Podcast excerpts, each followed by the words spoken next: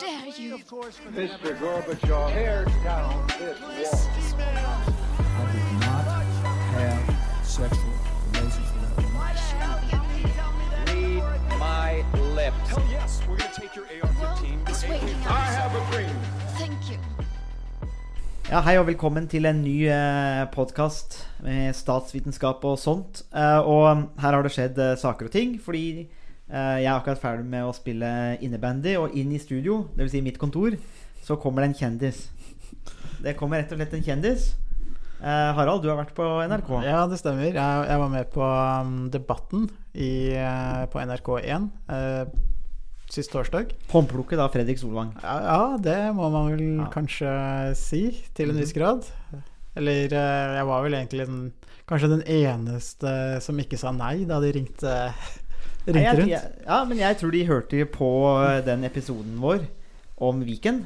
For det var jo det du snakka om på Det- NRK. ja, det var jo egentlig akkurat det vi har diskutert her. Ja, så jeg, jeg sa jo en, en, egentlig en del av det samme som, eh, som jeg sa i, uh, i podkasten. Så det var egentlig en god uh, anledning til å spre budskapet til, eh, til det norske folk, folk, som det heter. Mm. Ja, nei, Vi blir jo ikke ferdig med den uh, Viken og reformen. Nå er det jo det, det skjer jo en del på den fronten. Nei, vi vet ikke, det kan, jo, det kan jo faktisk bli reversert.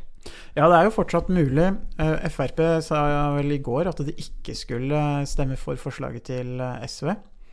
Så da er det jo fortsatt åpent uh, igjen. Men um, det kan jo også være at etter stortingsvalget i um, 2021 så blir det et uh, rød-grønt flertall, og så vil kanskje Senterpartiet kreve reversering Mm. som en del av regjeringsforhandlingene med Arbeiderpartiet. Ja, Og eventuelt andre rød-grønne partier. ja, det blir jo spennende å se hvordan det her slår ut. Vi får jo noen meningsmålinger nå som peker på at Frp har tjent. Uh, I dag sto det vel at de har tjent, eller fått 1500 nye medlemmer. Men, uh, og på meningsmåling så ser det, det greit ut. Men eh, jeg tenker jo at uh, her må vi uansett bare vente til valget. Så får vi se hvordan det, hvordan det slår ut uh, når vi kommer dit. Ja, for det, eh, det kan jo vise seg at uh, å gå ut av regjering var litt som å, å pisse i buksa. Rett og slett at det gir, en, gir litt varme i begynnelsen, og så blir det fryktelig surt og kaldt etter mm, etter en stund. mm, det ser jo ut som de er klare til å gå litt i i strupen på hverandre òg, de to tidligere regjeringspartnerne. Så det, det, det, det, blir, blir ikke stille på den fronten med det første. Men um, dagens podkast så, så skal vi ta imot uh, for uh, første gang uh, spørsmål fra en lytter. Vi har fått en, en rekke gode spørsmål. Vi fikk dem tidligere i januar, og vi um, takker og bukker for det. Dere kan sende spørsmål til um, SOS Podkast, og det er podkast med K. Eh, til, altså SOS Podkast at eh, protonmail.com. Eh, beskrivelsen, eller adressen ligger i beskrivelsen til, eh, til eh, podkasten. Eh, men vi har fått spørsmål, og det, det går egentlig mest på den eh, brexit. Eh, Ja, det er det. Podkastepisoden vi hadde. Um, og der dekte vi jo en del ulike ting. Vi hadde jo med Matt Matravers òg, din gamle veileder, eh, som ekspert. Og eh, vi, var, vi, vi var innom en, en rekke ulike områder. Um, og så har vi fått noen spørsmål. Og vi tenkte vi skulle ta tre av de spørsmålene. Um, for ja, vi syns de er gode, og de går på det vi har snakka om. Uh, og det første spørsmålet er jo uh, handler jo om EU og demokrati. Og da er vi eh, virkelig i kjernen. Og spørsmålet er hvor demokratisk er egentlig EU? Uh, hvilken retning går EU i? Altså Går det mot å bli en føderasjon, eller skal man bare styrke samarbeidet mellom nasjoner i Europa? Det her er jo det klassiske kampspørsmålet, egentlig, i, em, i EU. Men vi kan kanskje starte først Vi starter først med å prøve å eh, klare opp litt i nettopp måte, hvor demokratisk er egentlig EU? Vi starte der? Ja, vi kan gjøre det. Eh, Det er et veldig, veldig godt spørsmål. Og som du var inne på, det er veldig, eh, veldig artig at vi får, eh, får noen spørsmål fra de som eh, hører på podkasten. Så jeg vil også bare oppmuntre alle som har noen spørsmål til det vi sier. Det kan jo også hende vi sier noe som eh, kan være litt vanskelig å forstå, eller som ikke sånn umiddelbart gir helt eh, mening. Så hvis det er noe som vi sier som kan eh, sies klarere, eller som bør sies litt mer presist, så, så er det veldig, veldig fint hvis vi eh, får tilbakemelding om, om det. Så eh, spørsmålet er jo da eh, hvor demokratisk er egentlig EU? Og det er jo et spørsmål som er litt vanskelig å, å besvare. EU har jo mange demokratiske trekk. Mm. Og mye av makten ligger jo hos EU-parlamentarikerne. Så sånn sett så er EU uten tvil eh, demokratisk, og mye av samarbeidet eh, på ministernivå også har jo klare trekk av demokratisk diskusjon og det man ofte i statsvitenskap kaller deliberasjon. Eh, stor grad av at man forsøker å finne sammen eh, til eh, ikke nødvendigvis eh, eh, en beslutning som alle kan stille seg bak, men som i hvert fall mange av de store toneangivende landene kan stille seg bak, og som det er, er flertall for. Så Ja, for tanken der med, med deliberasjon er jo nettopp det at man har samtale, diskusjon, resonnering, argument, argument, argumentering fram og tilbake, og så når man som, som du sier, om ikke alle er enige, så er det i hvert fall en uh, velresonnert. Det er, det er nettopp det. Så, så det har jo vært et kjennetegn på EU egentlig i eh, ganske lenge. Eh, Nesten fra, fra begynnelsen av, um, av unionen, eller av samarbeidet. Så man kan jo si at EU er demokratisk og har mange demokratiske trekk. Spørsmålet her går jo på hvor demokratisk eh, EU egentlig er. Mm. Og i det ligger det jo kanskje en eh, oppfatning om at EU har et demokratisk underskudd, eller at det er noen mangler. eh, Eller Mm. at beslutningsprosessene kan se ut som de er demokratiske, men kanskje ikke er så demokratiske når det kommer til et stykke. For til syvende og sist så er det Tyskland og Frankrike som de store europeiske nasjonene som, som avgjør. Og til en viss grad så er det jo de store landene som, eh, som har eh, størst innflytelse. Mm. Men det er jo heller ikke Det ville jo også vært, det ville vært udemokratisk om de største landene ikke hadde en innflytelse som um, som var i forhold til den, den størrelsen de, altså hvor mange innbyggere som står Mm. bak hvert land også. Så, så det motsatte vil jo også kunne være demo, udemokratisk. Så her er det jo her er jo et veldig godt spørsmål, fordi det viser noen av de spenningene som altså finnes i, eh, i EU mellom demokrati og ulike forståelser av demokrati eh, også. Ja, og så er det vel en forskjell på det med eh, demokrati i et land, altså en stat, altså som Norge, som en er en suveren stat. Du har demokrati def definert innenfor eh, territoriumet. Det er, det, det er der staten har det, det man kan kalle monopol på tvang, bruk av tvangsmakt osv. Mens EU er jo en overnasjonal organisasjon. Ja, det, det Da blir det litt en annen dynamikk. Det må jo nødvendigvis bli en annen dynamikk. Ja, uten tvil. Og i et nasjonalt demokrati så har man jo en offentlig debatt og en offentlig arena. eh, Med, med nasjonale aviser, eh, TV-stasjoner, radio osv. Og, noe lignende finnes jo ikke i eh, EU. Det finnes ikke en europeisk identitet eller en europeisk mm. medievirkelighet eller media um, altså, man har ikke europeiske medier som eh, går på tvers av hele, hele EU. Så, så det gjør også at demokrati i EU må nødvendigvis være annerledes. Eh, og det man kan kalle demokrati i EU, har jo klare elitistiske trekk Mm. siden det er stort sett eh, parlamentarikere, ministre, som har størst innflytelse. Men samtidig så er det jo eh, valg i alle EU-landene til parlamentet, så, så det er mange klare demokratiske trekk Ja. også. Men der er det vel også en utfordring nettopp det med, med parlamentet. Fordi i hvert fall mitt inntrykk da er fra, er fra flere land, så veit man nesten ikke hvem, Helt hvem er det man stemmer ja. på. Altså, altså det, er, det er bare sånn Ja, ok, det er EU-parlament, de har fryktelig mye makt. Men ingen veit hvem som er der. Ja, og det her er jo litt problematisk, fordi at stemmer man f.eks. på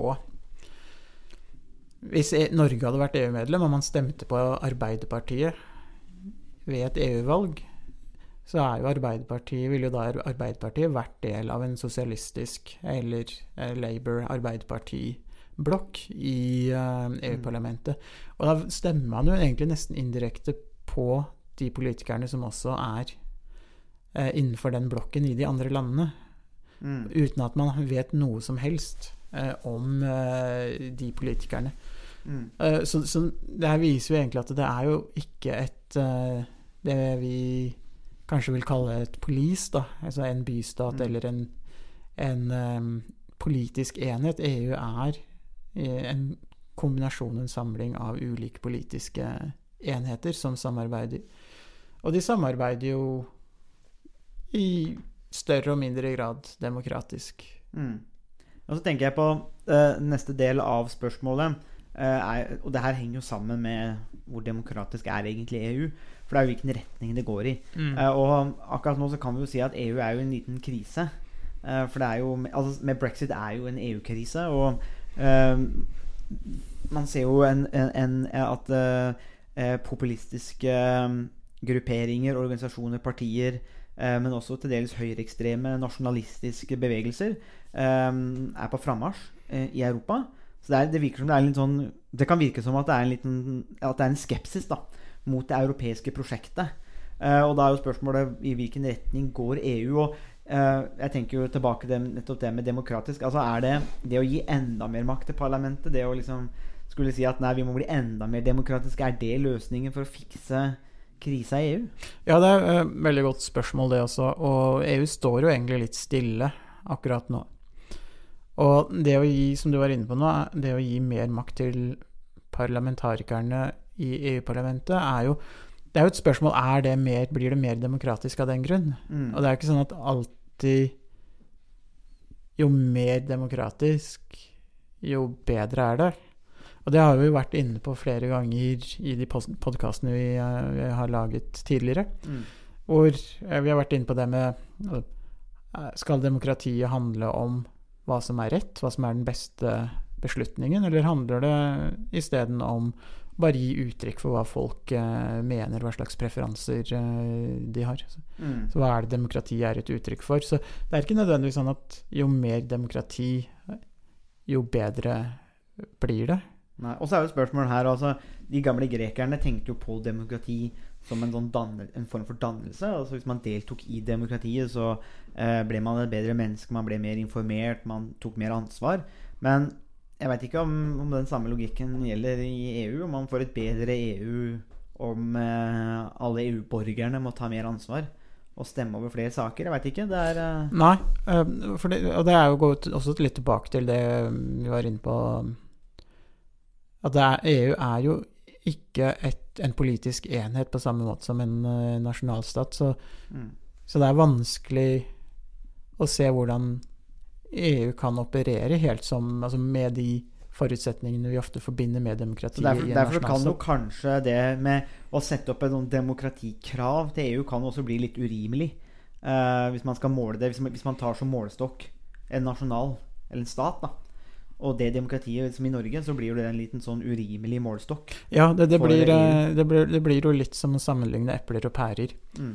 Fordi eh, hvis man sammenligner demokrati i Norge og Sverige, Storbritannia, Estland uh, og osv., for, for å ta noen helt tilfeldige land, så, kan man, så gir det jo mening å sammenligne og de, altså, hvordan demokrati fungerer i, de, i ulike land. Mm. Men eh, sammenligner man hvordan demokrati fungerer i Norge med demokratiet man har i EU, så får man eh, ikke en reell sammenligning, fordi man sammenligner ikke to like enheter. Mm. Men altså, hvilken retning går vi i? Altså, eh, har, eh, min oppfatning er jo det at EU har prøvd å vokse for fort. Um, for så vidt en tilhenger personlig av det europeiske prosjektet og den integrasjonen. Og jeg tror den kjernen i det ligger det at vi er vant til å reise rundt omkring nå i Europa. Vi har mye interaksjon med andre mennesker fra andre europeiske land, og vi tar det. Det har, det har egentlig blitt normalisert. Det å kunne reise til Spania, Tyrkia Det ligger jo på grensa, da, men Hellas eh, osv. Det, er- det er liksom Du tar en weekendtur til Paris. Det er det har blitt så normalisert, så jeg tror at det ligger mye godt i det. Eh, men så er det spørsmålet om det har gått for fort. Eh, men hvis vi da prøver å ta hånd om det spørsmålet som har kommet, da eh, går EU mer mot altså, Hvilken vei går vi? Er det føderasjon? Er, er, er nasjonalstatene på vei tilbake i, i EU? Slik at man bare har sånn minimums-EU? Nattvekter-EU? Eh, eller skal vi ha velferdsstats-EU i andre delen av skalaen? Hva, hva, hva tror du om det? Jeg, jeg tror vel egentlig at uh, føderasjonsprosjektet virker det som det er lagt uh, foreløpig på, på is. Mm. Så, så der, der vil det antagelig ikke være mm, noen framstøt med det første. Og eh, man ser jo at det er kanskje til en viss grad tettere samarbeid mellom noen av blokkene i eh, EU. Noen ganger så snakker man om at eh, eh, det er en slags sånn hansiatisk føderasjon, eller ikke føderasjon, men samarbeid mellom de landene som, som ligger rundt Nordsjøen, Østersjøen, som har litt felles perspektiv og felles utgangspunkt. Eh, At de ofte finner sammen i en del eh, politiske spørsmål i EU, mens det vil være mulig å finne til, tilsvarende eh, allianser i Øst-Europa, Sør-Europa osv. Så, videre, så man får kanskje tettere samarbeid innenfor ulike deler av, eh, av EU. Og da snakker vi først og fremst om det politiske samarbeidet som foregår i, Mm. i Europakommisjonen, parlamentet og på ministernivå. Mm. Og det, jeg tenker jo at eh, det, er, det, er, det er jo viktig på en måte at europeiske land samler seg. Jeg tenker Det du sier nå med er, er veldig, veldig interessant, hvordan man organiserer seg. Eh, noen land er jo enklere å organisere og samarbeide med enn andre, og det er jo det vi har sett i, de, i litt av de her eurokrisene, er at man har jo bare hatt totalt ulike forutsetninger. Mm. eh, som ikke, det har, har bare ikke fungert, eh, tenker jeg. Men i, i en verden hvor du har en merkantilistisk, aggressiv, reaksjonær Donald Trump som skal drive handelskrig i ordets rette forstand, det er en sånn nullsumspill hvor jeg skal vinne, du må kjempe der. Og så har du Kina på andre siden, så er EU, europeiske land, er egentlig avhengig av et sterkt EU. Fordi Ja. at de andre statene er så mektige at i en større sammenheng så vil du Du vil ikke ha noe forhandlingsmakt. Du vil ikke ha noen ressurser til å stå imot. Så eh, på, på det mer overordna planet så tror jeg det er veldig viktig at det europeiske prosjektet går videre. At man fortsetter. At man må gjøre noen endringer og justeringer. Men eh, også tror jeg det kombinert Det behovet kombinert med, med eh, den prosessen hvor man ikke har en planmessig integrering, men rett og slett det at folk blir vant til å reise mellom land, de har interaksjon med folk. Over tid så tror jeg det bare vil gi Jeg tror da at det vil gi en naturlig større integrering Ja, EU. og det- og det- vi, vi, blir vant til det. Og det, det tror jeg er eh, enda tydeligere allerede i dag i mange EU-land, fordi det er jo et ganske utbredt samarbeid, eh, økonomisk samarbeid, eh, hvor man har veldig tett samarbeid om f.eks. Eh, hvordan eh, man skal eh, drive inn hvordan man skal kreve inn merverdiavgift ved import og eksport. Så man har et, en del felles systemer Mm. som som egentlig utvikler det samarbeidet som du snakker om nå, og som sakte, men sikkert gjør at det blir en slags integrasjon, og som gjør at det er lettere og lettere å selge varer og tjenester på tvers av landegrensene. Og som gjør at de fire frihetene, sånn som du var inne på, det med å kunne, kunne reise fritt i, eh, i EU, er eh, noe som vi tar for gitt, og noe Mm. som blir som en selvfølge, og noe som næringslivet også ser på som en selvfølge, det med å kunne handle og investere på tvers av lande, landegrensene. Så over tid så vil nok det her føre til et mye tettere samarbeid, selv om det ikke er et planmessig samarbeid. Og noen ganger så har vi kanskje et litt kort tidsperspektiv. EU er jo en fortsatt ganske ung organisasjon. Mm. Og hvis man ser på EU historisk, så har det jo egentlig gått fra krise til krise. Og så har det alltid klart EU har alltid klart å komme lande med på beina. eh, Og komme seg videre. Og krisen har ofte utløst eh, tettere samarbeid. Og det er kanskje noe man kan se eh, i tilknytning til det du nevnte om EU som står mellom et uh, mektig Kina og et uh, mer eh, handelsaggressivt USA, for å si det på den måten. Mm. Ja, og så tenker jeg jo da Bare for å runde av den, den diskusjonen nå, Vi sitter jo på en høyere utdanningsinstitusjon hvor vi har programmet. Vi tar jo imot masse internasjonale studenter. Vi sender studenter til internasjonale eller universiteter. Vi har begge gått på skole i England eller Storbritannia enn så lenge. Og, og fått en utdanning der, og det, det blei jo- muliggjort på én måte. Kanskje ikke muliggjort, men det ble gjort enklere da, via det europeiske systemet. I hvert fall ble min utdanning det. Så det, er- det har en del gode ting, så det her vil jo bare fortsette. Men sammen med det så henger det sammen med et annet Det henger sammen med et annet spørsmål som kom fra vår lytter, og det handler om globalisering. Og det var noe jeg um, snakka litt om i, den, i de podkastene vi gjorde om brexit. eh, med min egen personlige erfaring om at eh, eh, man begynner å leve i litt forskjellige virkeligheter i Storbritannia. Det var mitt inntrykk av brexit. At eh, jeg har høyt utdanna venner. De lever i en, eh, i en eh, egen virkelighet i London. Og kan ikke forstå hvorfor eh, sine medborgere er så forbanna dumme som stemmer eh, for brexit. Eh, og lytteren eh, plukka jo opp av det og eh, spør om, om vi har en større, om det her er jo en snakk om en større globaliseringsprosess. Og vinnerne der er jo de som er høyt utdannede, kanskje allerede privilegerte, som lett kan flytte seg mellom land. Um, og med utdanning og arbeid osv. Mens at taperne er de med liten utdanning, kanskje, som opplever da økt konkurranse pga. arbeidsinnvandringen. Og det, er jo det, er, og det er jo det mange briter har sagt. Uh, så er jo spørsmålet om det stemmer. Men uh, hva, hva, hva, hva tenker du om det der med forholdet, eller det her er jo et litt, det er, det er jo litt stort spørsmål, så vi, får, vi må liksom bare prøve å gripe inn i det i, i deler av det. Men er det en, er det en ujevn prosess her? Eh, Er det, er det en sånn globaliserings- og EU-dynamikk hvor rett og slett de, de taperne, da, de, de vil fortsette å tape, rett og slett? Og at man skaper en sånn dårlig dynamikk, sånn som i England? Hvis du forstår hva jeg mener? At det er ehm, når, når du allerede har en del eh, la oss si, mindre utdanna gamle industribyer eh, opp, De vil jo da oppleve økt arbeidsinnvandring som konkurranse. For de konkurrerer om de samme type jobbene i det segmentet, for de har ikke utdanning. Eh, så er da den Og det er jo, er jo en del av en globaliseringsprosess. Eh, jeg, jeg tenker jo da at, eh, at det har faktisk en reell effekt. Og at det er litt Det som ofte skjer, er at folk med god utdanning, de som er i middelklassen og opp, lett kan eh, eh, eh, ikke klare å forstå den levde og opplevde virkeligheten for de andre, da. Ja, jeg tror, du, jeg tror du har rett i mye av det. Jeg er eh, litt usikker på noe av det, fordi det man eh, har sett, er jo at når man har undersøkt effekten av arbeidsinnvandring til Storbritannia, så har man sett at det har hatt en viss effekt på lønnsnivået, men relativt liten effekt. Så den Og jeg tenker én ting er den opplevelsen mange har av at de kanskje blir marginalisert.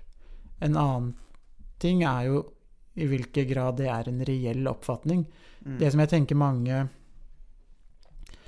har reagert på, er nok at eh, det er kommet flere og flere polske eh, butikker og supermarkeder i mange engelske byer, f.eks. Eh, og det snakkes polsk og østeuropeisk eh, mange steder. Eh, så man har en opplevelse av at det er mange som flytter til til, E- til, til England. Det, men det som også er interessant, det er jo at UKIP Mm.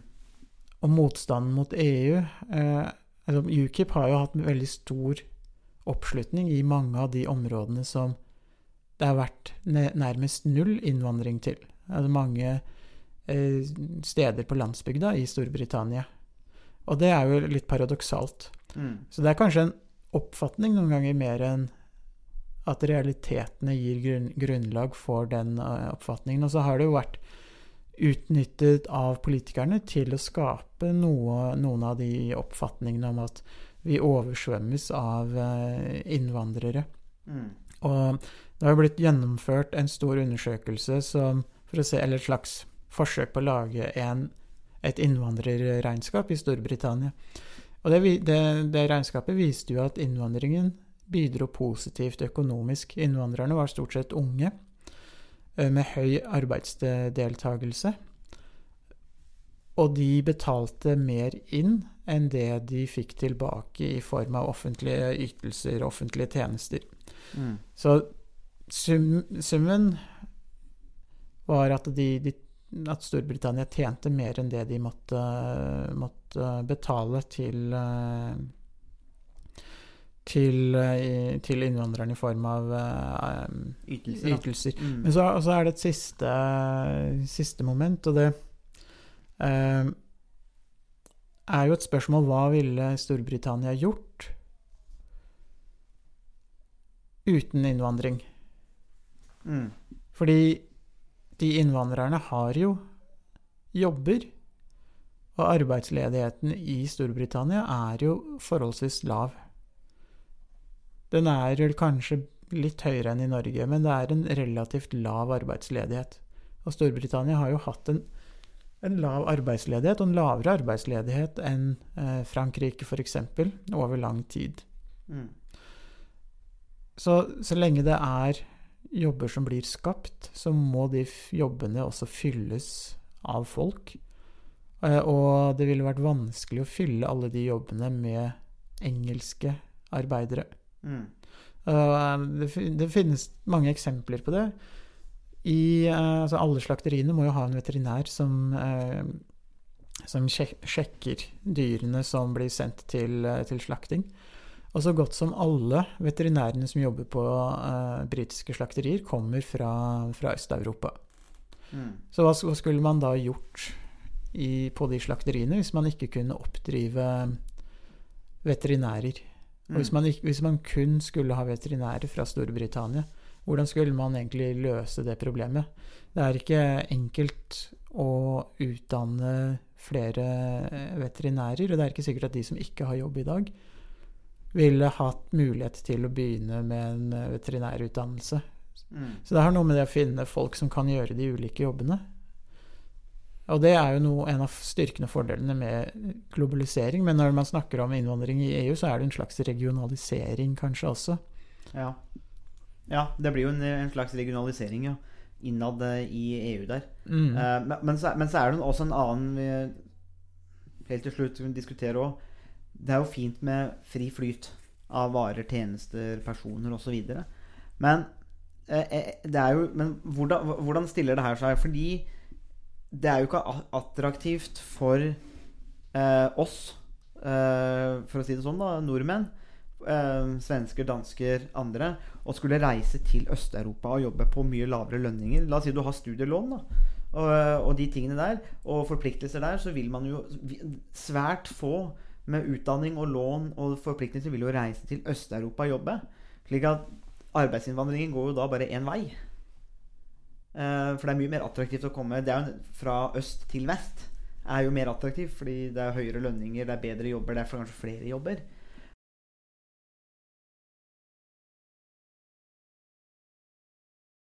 På den ene siden så er, er det et kjempeproblem, eh, og på den andre siden så er det jo akkurat det som, eh, som bør skje. Fordi at man, eh, man gir jo muligheter til flere mennesker, eh, og det er med på å fylle skapervekst der, eh, der det er sterk vekst.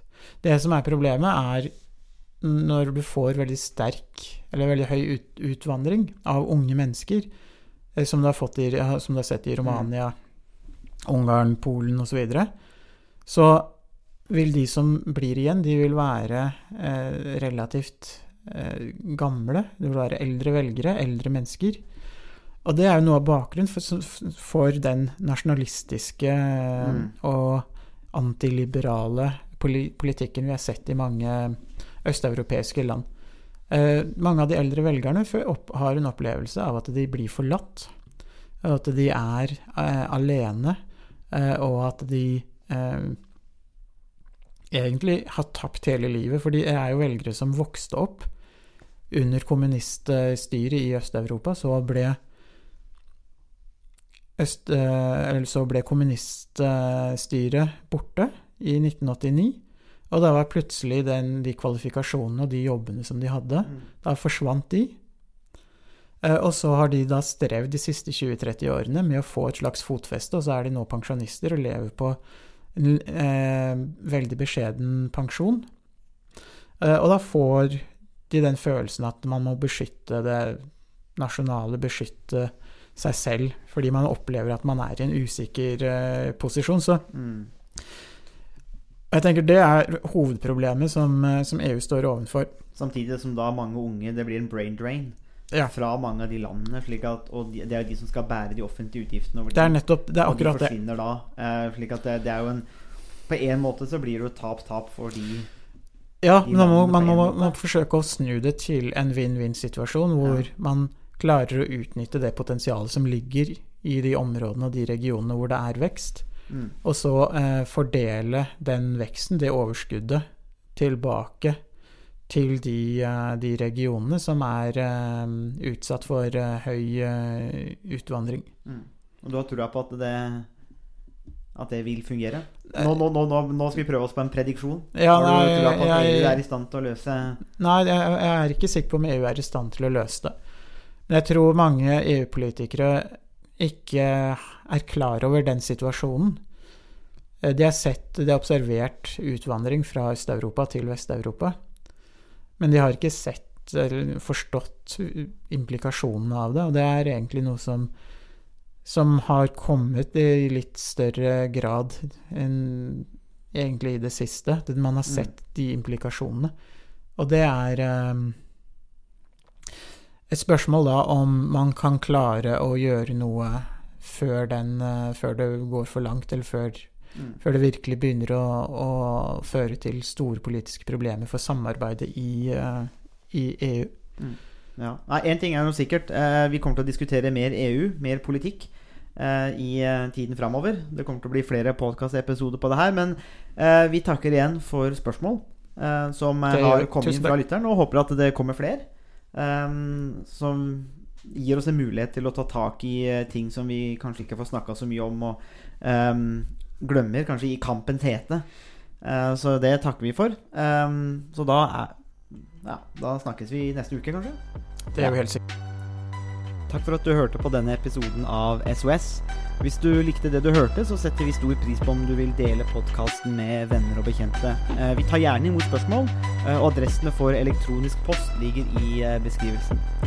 Musikken var komponert av Robin Horvath, og neste episode kommer om én en uke sånn cirka. Vi høres! And change is coming whether you like it or not.